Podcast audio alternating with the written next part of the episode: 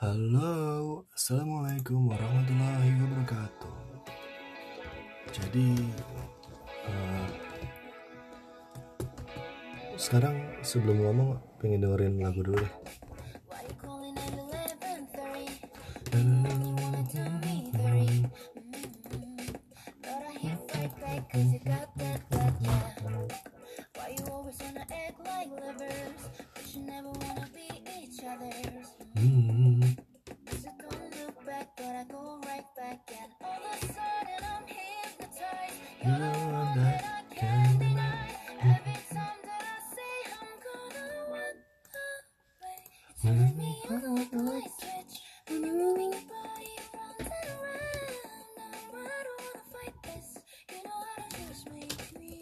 Gede apa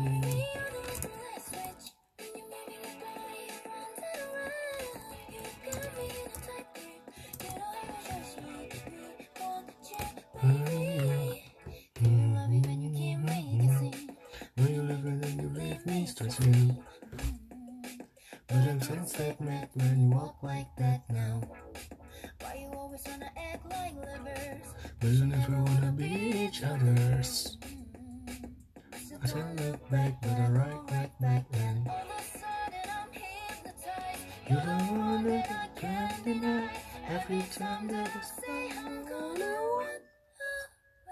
You turn me on like a light switch when you're moving your body around around.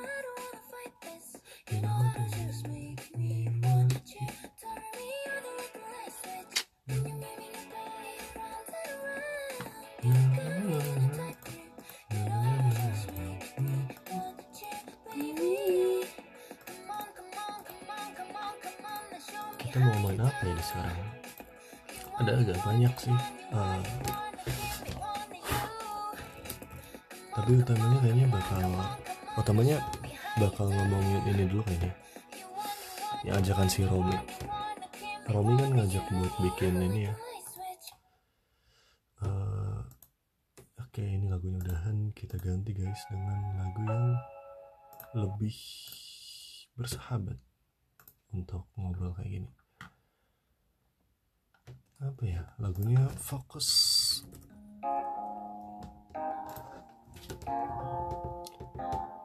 Oke, ini aja.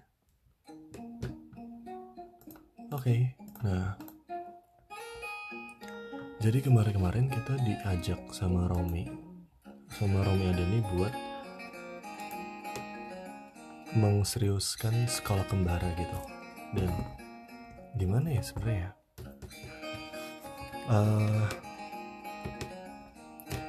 aku baca-baca tentang sekolah kembara tuh tentang sekolah yang utamanya diutamakan untuk anak-anak yang ini anak-anak yang hampir putus sekolah gitu kan supaya bisa lanjut sekolah lagi. Dan pencapaiannya kejarannya supaya bisa masuk ke PTN gitu kan. Nah jadi di sini tuh visi dari sekolah kembara mereka itu ingin supaya anak-anak tuh lanjut ke PTN lanjut berkuliah. Hmm, gimana ya guys ya? Ini Romi ngirimin pesan aku di Instagram beberapa kali gitu kan. Sebenarnya udah pernah ngajak juga gitu cuman aku kayak iya nggak ya gitu kan. Masih agak bingung tuh kan kita karena sekolah kembara tuh berarti kita Sabtu Minggu kasarannya kayak nginep di sana dan ngajar. Uh, sedangkan ya dan ngajar dan itu volunteer ya sifatnya gratis. Sedangkan anda firman islami anda tuh kalau ngajar udah biasa dapat sekali satu jam ngajarnya eh, bukan satu jam sih satu sesi ngajar 90 menitan itu udah udah dapat 250 ribu gitu kan minimal 100 ribu lagi tapi ada juga yang sampai 250 ribu dalam satu kali ketemu jadi kayak asa sayang banget itu kan. Sabtu Minggu yang harusnya buat keluarga buat family time sama mama temenin mama pergi ke pasar kayak atau sekedar ngobrol ngobrol dengerin mama ngomong apa gitu kan. Atau aku nganterin mama pergi ke mana bantuin mama belanja. Ya pokoknya nemenin lah hadir dan beres-beres rumah gitu ya. Diganti dengan eh, diganti dengan ketemuan itu gitu. Diganti dengan yang sekolah kembara itu. Uh, ya pahala dapat mungkin tapi aku ngerasa uh, gimana ya? Kayaknya pahalanya tuh masih better untuk dikasihin ke orang tua gitu daripada ke situ gitu. Kalau saya mau ke situ masih agak berat gitu karena posisinya juga jauh banget dari rumah aku. Uh, cuman yang aku khawatirkan adalah apakah aku ini terlalu egois dan apakah aku ini jadi kayak bisnis oriented atau gimana gitu. Cuman permasalahannya adalah si Romi ini dia tuh bilang mau ngeseriusin sekolah kembara. Dan definisi definisi ngeseriusin itu membuka ini sebagai lahan bisnis gitu. Maksud lahan bisnis itu gimana? Jadi tetap value ini di skala kembara tetap cuman uh, ngejar donatur yang banyak gitu anggapannya. Jadi profitnya dari donatur. Nah gimana ya? Uh, agak nggak sesuai gitu dengan aku. Karena aku ngerasa ladang pahala ladang pahala ladang uang ladang uang. Jangan disatukan antara ladang uang sama ladang pahala karena aku udah pernah mengalami ketika kita menyatukan ladang uang dengan ladang pahala. Nggak akan bisa dapat gede ladang uangnya. Tapi ladang pahalanya juga ya nggak bisa dibilang ladang pahala juga karena kita ngerjainnya antara ikhlas ke ikhlas gitu. Kayak ngerasa beban jadinya. Nah aku tuh nggak mau kayak gitu. Tapi Romi ini ngajak supaya bisa menseriusi si sekolah kembara ini. Padahal kondisinya padahal kondisinya gimana? Padahal kondisinya kita man kita udah punya bisnis yang bisa dibilang established lah ya. Bisa stabil kasarannya. Untuk sekarang ini alhamdulillah uh, klien lumayan dan mereka recurring. Mereka bukan klien yang sekali sekali datang terus udah nggak datang lagi tapi yang berkali-kali datang bahkan mengajukan penambahan dana lagi titip modal lebih banyak lagi itu kan investasi lebih banyak lagi dan kasarannya ini udah jalan gitu. Udah jalan walaupun ini nggak bisa dibilang perusahaan ya karena uh, karena hanya punya sedikit karyawan satu sih cuman cuma cuman punya satu karyawan dan semuanya masih bergantung sama aku. Eh, nggak uh, bisa diajarin ke orang lain. Tapi anggapannya ya ini udah jadi model bisnis yang oke okay gitu. Di mana aku bisa menyediakan jasa dan dari jasa itu aku bisa mendapatkan penghasilan juga. Nah kalau sekolah kembara gimana? Oh iya kenapa aku bisa menurut aku oke? Karena aku menyediakan apa yang orang-orang butuhkan apa yang orang-orang inginkan. Orang ingin supaya uangnya lebih banyak gitu kan. Orang ingin supaya uangnya nggak ngendap di bank gitu aja.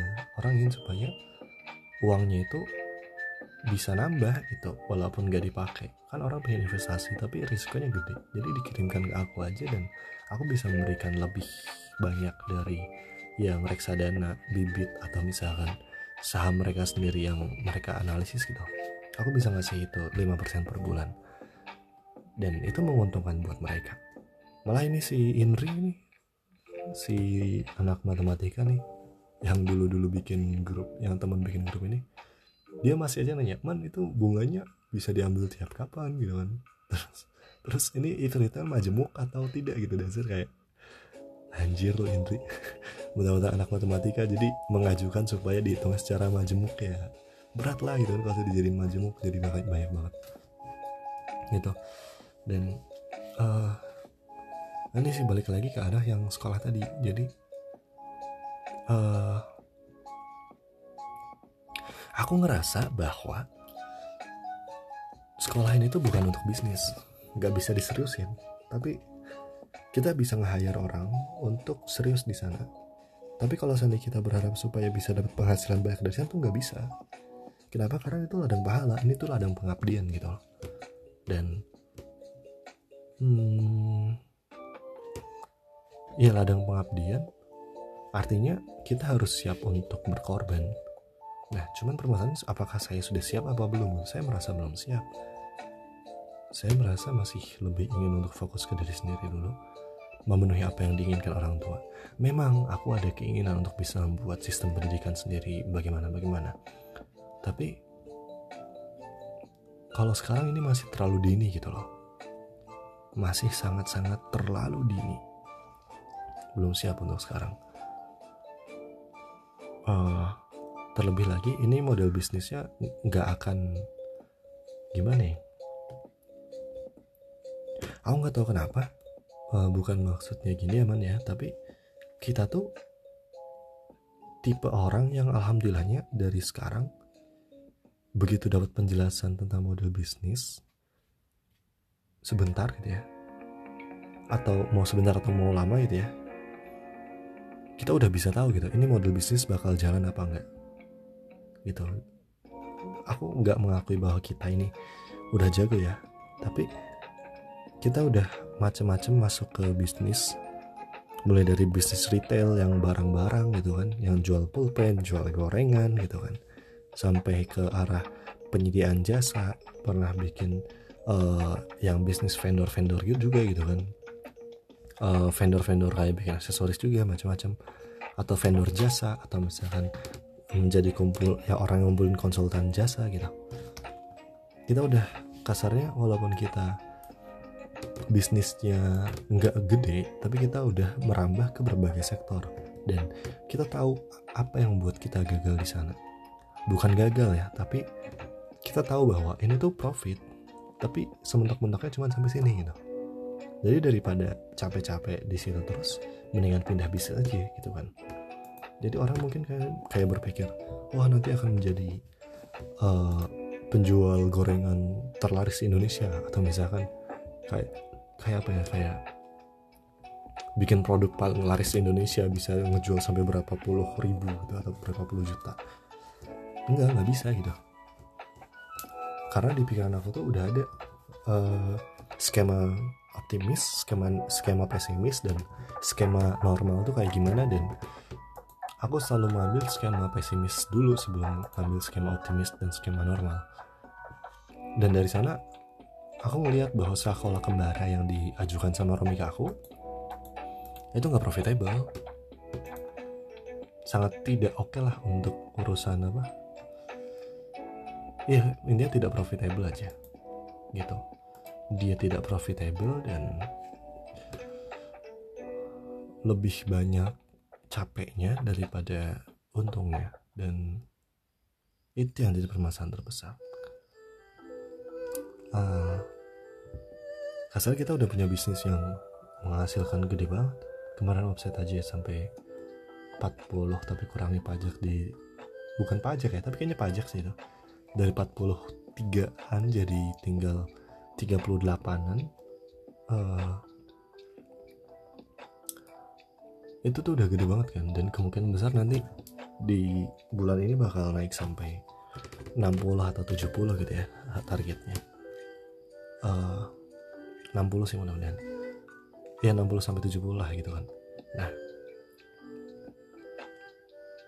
ini kalau seandainya anda melepas yang kalau anda mengikuti yang sekolah kembara bisnis yang sekarang anda lakukan ini tuh bisa jadi agak kelepas gitu. Dan anda masih menjadi mahasiswa ya masih harus ada kerjaan di bawah juga. Jadi kayak ngapain nambah-nambah dan tanda kutip beban gitu.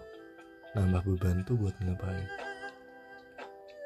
Sebenarnya yang dikhawatirin adalah relasi ya. Kayak kan si Romi ini presiden presiden KM dan dia relasinya oke. Okay. nah yang dikhawatirin itu adalah kalau gue nolak relasi gue sama si Romi itu jadi kurang oke okay gitu. Itu yang jadi permasalahan sih yang bikin dilema. Tapi secara rasional tuh gak ada gitu udah tidak worth it gitu. Maksudnya gue udah gak tertarik. Kenapa? Karena gue udah punya sistem bisnis yang sangat-sangat oke okay, gitu. Dan gue gak bersedia buat ngajarin uh, kemampuan yang sekarang gitu kan ke orang lain. Jadi ya ya ngapain gitu kalau mencari model base yang lain karena ya kecuali model base nya oke. Okay. cuman yang Romi itu aku nggak ngerasa itu oke okay, gitu gak bisa. Aku cuma khawatir masalah relasi. Nah kira-kira gimana? Agak bingung ya. Uh, dan iya sih agak bingung sih. Itu itu yang agak bingung nih mungkin lebih baik ditolak dulu karena apalah alasan apa kayak gitu TA atau apa kayak gitu lah bisa lah alasan. Maksudnya ya alasannya halus lah gitu maksudnya. Ya udah cuman baik-baik dipikirkan uh, ini kan sebenarnya dengan lu bikin podcast ini kan lu jadi berpikir apakah yakin untuk nolak apa enggak gitu kan. So kita pikirin lagi. Secara keuntungan apa yang didapatkan ketika lanjut join keuntungannya adalah anda punya relasi sama si Romi dan Anda punya pengalaman portofolio juga tentang ngajar. Tapi pertanyaannya apakah Anda perlu relasi dengan Romi? Mungkin saya perlu. Apakah Anda perlu portofolio tentang ngajar dan pengabdian? Tidak, tidak perlu. Kenapa? Karena saya sudah sering ngajar dan saya udah pernah ngajar di beasiswa perintis, udah ngajar di uh, anak akademi internasional, udah udah ngajar di mana-mana, anak SD, SMP, SMA, sekolah internasional, internasional, udah gitu. Jadi tutor untuk anak kuliahan. Udah udah dialami. Jadi pengalaman ngajar udah nggak diperluin lagi untuk sekarang. Jadi satu-satunya untung adalah relasi dengan Romi. Ya bukan dengan Romi aja sih tapi dengan teman-teman yang lain juga yang sevisi gitu kan. Cuman kan aku visinya bukan untuk pendidikan aja visi aku memperbaiki ekonomi Indonesia gitu ya pendidikan salah satunya tapi anda nggak bisa menuntut orang memiliki pendidikan yang tinggi jika mereka sendiri masih kelaparan. Lo bisa nyuruh orang buat sekolah, belajar enak, enak bisa. Tapi kalau sendiri di pikirannya dia lapar, susah makan, nggak bisa dapat kepastian besok makan apa. Ya gimana? Gimana dia mau bisa mau belajar? gitu? Nah, gue ngerasa bahwa yang nge-solve itu yang menyelesaikan permasalahan itu adalah uang gitu. Nah uangnya itu dipegang sama saya dipegang sama orang tuanya.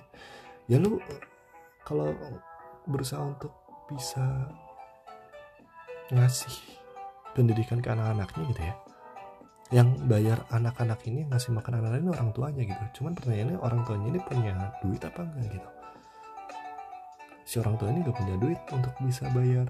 Atau si anak ini juga nggak punya penghasilan untuk bisa makan gitu. Gimana mereka bisa fokus belajar kalau misalnya mereka sendiri ragu untuk untuk berpikir besok mau makan apa? Gitu kan. Jadi uh, ya pendidikan itu penting. Tapi menurut saya pendidikan saja tidak cukup gitu pendidikan itu ada di secara apa ya piramida Maslow, piramida kebutuhan Maslow, pira si pendidikan itu udah masuk di strata kebutuhan yang di atas kebutuhan dasar. Jadi kan uh, mungkin ini namanya kita coba searching sekarang. Piramida Maslow. Piramida kebutuhan Maslow. Nah, di piramida kebutuhan Maslow ini kasarannya ada kebutuhan fisiologis gitu ya. Gue ini pakai bahasa Spanyol? Kok ini pakai bahasa Spanyol sih? Gimana ceritanya? Translate lah kok pakainya kok pakai bahasa Spanyol sih? Aneh banget. Nah ini ya. Nih jadi piramida Maslow tuh yang pertama kan fisiologis ya tentang makanan minuman tidur pakaian gitu yang pokoknya bisa lap nggak lapar lah gitu. Terus lanjut ke rasa aman stabilitas nggak ngerasa terancam terus ke sosial afeksi relasi keluarga gitu. Terus penghargaan pencapaian status tanggung jawab reputasi gitu. Terus lanjut ke aktualisasi aktualisasi diri yang memenuhi ke memenuhi ideologi. Nah sekarang tindakan lo sekarang tuh lo udah sampai di aktualisasi diri. Lo udah nggak butuh penghargaan lagi lo udah tahap yang pingin ngasih aktualisasi aja gitu kayak ngasih manfaat. Cuman uh, manfaat yang lo kasih tuh buat orang-orang kayak gimana gitu kan? Uh, kalau pendidikan itu masuk ke wilayah penghargaan gitu. Pendidikan tuh masuk ke arah penghargaan. Nah sedangkan kamu lihat bahwa akar masalahnya tuh bukan di pendidikan. Kalau pendidikan iya akar masalah bukan di pendidikan. Akar masalahnya tuh di bisa jadi di masalah makanan minuman tidur dan sebagainya itu jadi kalau lo mau provide pendidikan oke. Okay, lo harus provide pendidikan tapi lo harus ngasih duit yang banyak juga untuk bisa ngasih makanan gratis itu. Nah kalau lo sendiri gak punya bisnis yang oke okay buat bisa menjalankan pendidikan gratis itu ya gimana gitu kan? Yang ada lu malah minta-minta ke orang dan itu nggak baik gitu. Jadi ya udah mendingan mendingan fokus aja dulu ke diri kita sendiri establish bisnis kita mungkin. Harusnya di Desember bukan Desember ya. Di 2023 nanti waktu pas kita lulus harusnya udah sampai di 500 ya omsetnya. Udah di 500 jutaan. Uh, mungkin ketika udah kayak gitu lu udah memenuhi kebutuhan ibu gitu ya. Kayak apa ya apakah itu kendaraan uh, ibu umroh atau apa gitu nggak tahu. Nah ketika udah sampai kayak gitu baru mungkin lu mulai memikirkan hal-hal yang kiranya bisa lebih berdampak buat orang lain. Gitu cuman uh,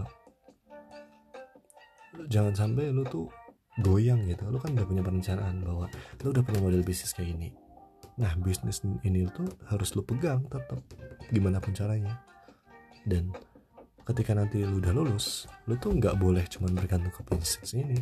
Lu harus lanjut ke punya pekerjaan tetap. Pekerjaan itu walaupun gajinya nggak seberapa dengan bisnis gitu ya. Tapi setidaknya lu punya safety net gitu. Lu punya jaring pengaman yang membuat lu tuh kalau misalkan bisnis jatuh lu bisa aman gitu loh. Gitu. Jadi ya apakah sekolah kembara ini mendukung anda ke arah bisnis eh ke arah rencana anda itu sepertinya tidak belum belum belum sampai ke sana. Jadi ya udahlah mungkin memang lu belum bisa ngasih kontribusi ke si Romi dan teman-temannya. Uh, jadi ya ya udah gitu nggak usah merasa nggak enak. Kasih penjelasan ke Romi uh, lo belum bisa oke okay di sana. Dan mungkin Romi berkali-kali nawarin ke gue karena ke kita ya maksudnya belum berkali nawarin kita karena dia ngeliat bahwa kita orang yang profesional di bidang pendidikan gitu. Dan mungkin dia ngelihat bahwa aku adalah bukti nyata dari pendidikan. Ya dia tahu kan masalah aku dulu dia tahu cerita aku waktu pas studi UPI ya, gimana gitu dan akhirnya pindah. Dia tahu gitu. Dan dia mungkin melihat hal itu dan uh, mungkin bisa menjadikan aku sebagai role model. Cuman aku agak bingung kalau saya sekarang ini. Aku merasa belum ready untuk bisa ngasih aktualisasi diri dan kontribusi kayak gitu. Jadi mungkin lebih baik ditolak aja. Gitu. Ya gitu mudah-mudahan mudah-mudahan Romi tidak mudah-mudahan persahabatan dengan Romi tetap bisa berjalan dengan baik. Kalau ngobrol sama Romi itu bawaannya ngobrolnya pendidikan mulu sih. Dia tertarik ke pendidikan kan. Hmm, bikin sekolah gitu. Cuman uh, model bisnis yang dia buat tuh kayak terlalu pengabdian gitu. Jadi bukan bisnis jadi tapi malah kayak sedekah gitu sedangkan aku nggak bisa gitu. Kalau pikir aku kan bisnis banget ya. Kita nggak bisa jalan kalau seandainya benar-benar cuma bergantung sama donatur kita. Jadi ya gue nggak mau bikin yayasan kayak Salman itu nggak mau. Kalau seandainya mau, mau bikin yayasan Firman Foundation ID gitu ya. Ya itu dananya dari Firman dari perusahaan kita gitu bukan dari orang lain. Orang lain mau nyumbang boleh tapi pemegang dana paling banyak itu yang dikasihin dari kita gitu dari perusahaan kita. Jadi nggak bergantung sama orang. Gitu. Dan sekarang saya belum sampai di tahap itu dan kita harus sabar. Suatu saat insya Allah kita bakal sampai. Oke. Baik selamat melanjutkan aktivitasnya. Sekarang jam 0009 semoga lancar. Selamat bekerja lagi. Assalamualaikum warahmatullahi wabarakatuh